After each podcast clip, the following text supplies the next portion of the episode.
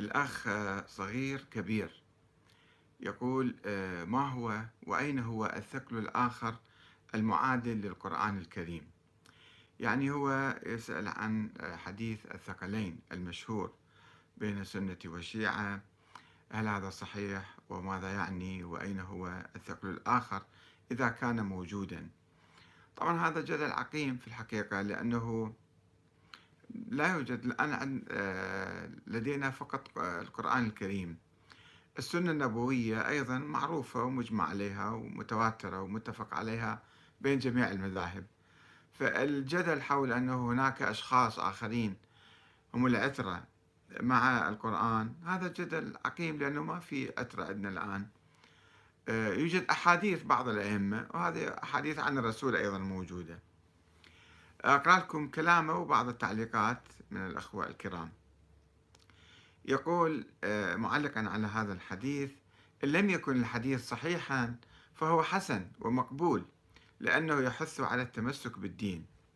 وأما الثقلين فالمقصود بها القرآن الكريم وسنة النبي محمد صلى الله عليه وسلم. فقط وليست عترته لأن عترته بشر مثلنا ولهم ما لنا وعليهم ما علينا. وحتى لفظ كلمة عترته تخل في سياق الحديث وتصبح كلمة أقرب للنشاز وهي اختراع أناس مغرضين تمهيدا لوضع علي وأولاده فوق منزلة البشر ثم يبثون سمومهم لضرب الدين. والدليل على أن سنته هي الصح قوله تعالى جل جلاله وفي أمور الدين وإن اختلفتم في شيء فردوه إلى الله أي القرآن وإلى الرسول ولم يقل وإلى عترته. أيضا عندما تقول القرآن وعترته فإن ذلك قفز وتجاوز وإلغاء لدور الرسول عليه أفضل الصلاة والسلام. وإلغاء لسنته وما سنه أو وضحه لنا. علي وأولاده والصحابة رحمهم الله بشر مثلنا ولا يفرقون عنا بشيء سوى ميزتهم أنهم عاصروا الرسول وأخذوا منه. وما يحدد مصيرهم هو أعمالهم وهم معرضون للحساب يوم الحساب مثل باقي البشر. ومن حسنت أعماله مصيره الجنة ومن ساءت أعماله مصيره جهنم. والدليل على ذلك أبو لهب هو عم الرسول وأقرب للرسول من علي وبسبب أعماله ذهب لجهنم ولم تشفع له قرابته ومعاصرته للرسول عليه أفضل الصلاة والسلام. والآية واضحة. تبت يدا أبي لهب وتب ما أغنى عنه ماله وما كسب. سيصلى نارا ذات لهب وامرأته حمالة الحطب. صدق الله العلي العظيم. هذا ال... أو هذه الرسالة أنا نشرتها قبل ما أناقشها. الأخوة ناقشوها. أه نبدأ من أه الأخ أه الحاج ثامر الربيعي. يقول أه ينقل لنا رد على هذه المقالة. يقول بصراحة أعجبني هذا الرد فنقلته وأتمنى على الأستاذ مناقشته. بماذا تردون على من يقول كتاب الله وسنتي أم وعترتي؟ لماذا يكذبون على الرسول ولا يذكرون الصحيح؟ تركت فيكم ما أن تمسكتم به لن تضلوا كتاب الله وسنتي. هذا الحديث لا وجود له لا في البخاري ولا مسلم ولا مسند أحمد ولا الترمذي ولا ابن تيمية ولا ابن كثير ولا السيوطي ولم يصححه الألباني. ويخالف ما قالوا به تركت فيكم كتاب الله. لأنهم يقولون لم يترك النبي القرآن مجموعا بل جمعه عثمان. فكيف يقول تركت كتاب الله وسنتي ولم تدون السنة إلا بعد وفاة النبي؟ ولم يكن أبو هريرة يجرؤ على التحديث عن النبي إلا بعد وفاة عمر. بينما يصححون في كتبهم حديث الله حديث كتاب الله وعترتي آل بيتي أو أهل بيتي. في الحقيقة العترة باللغة يعني العشيرة يعني بني هاشم بني عبد المطلب بني آه، أبو طالب كلهم يسموهم عشيرة وأحفادهم وأولادهم.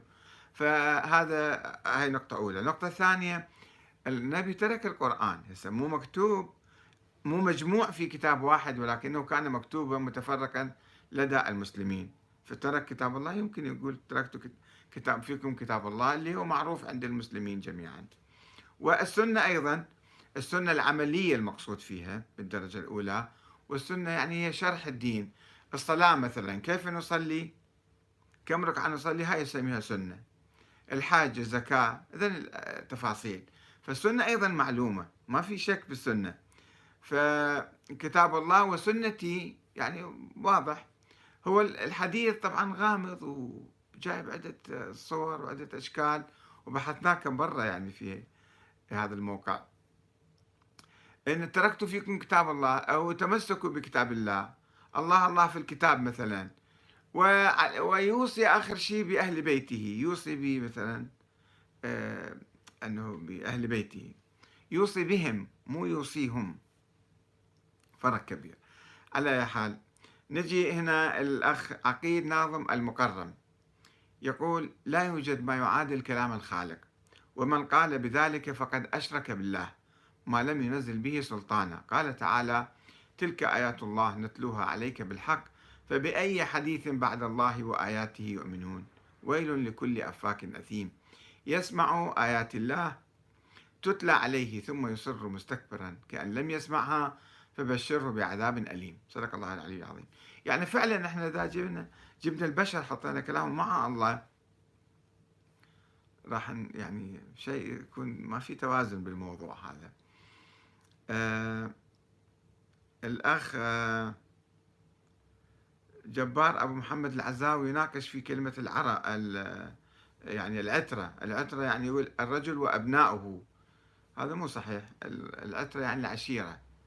وجاية من كلمة العتر يعني الذكر العلاقة الجنسية بعشيرة معينة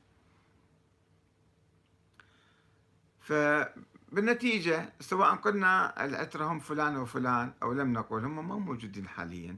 فلماذا نتقاتل ونتجادل ونتناقش؟ حول الشيء ما ينتج شيء عملي يعني.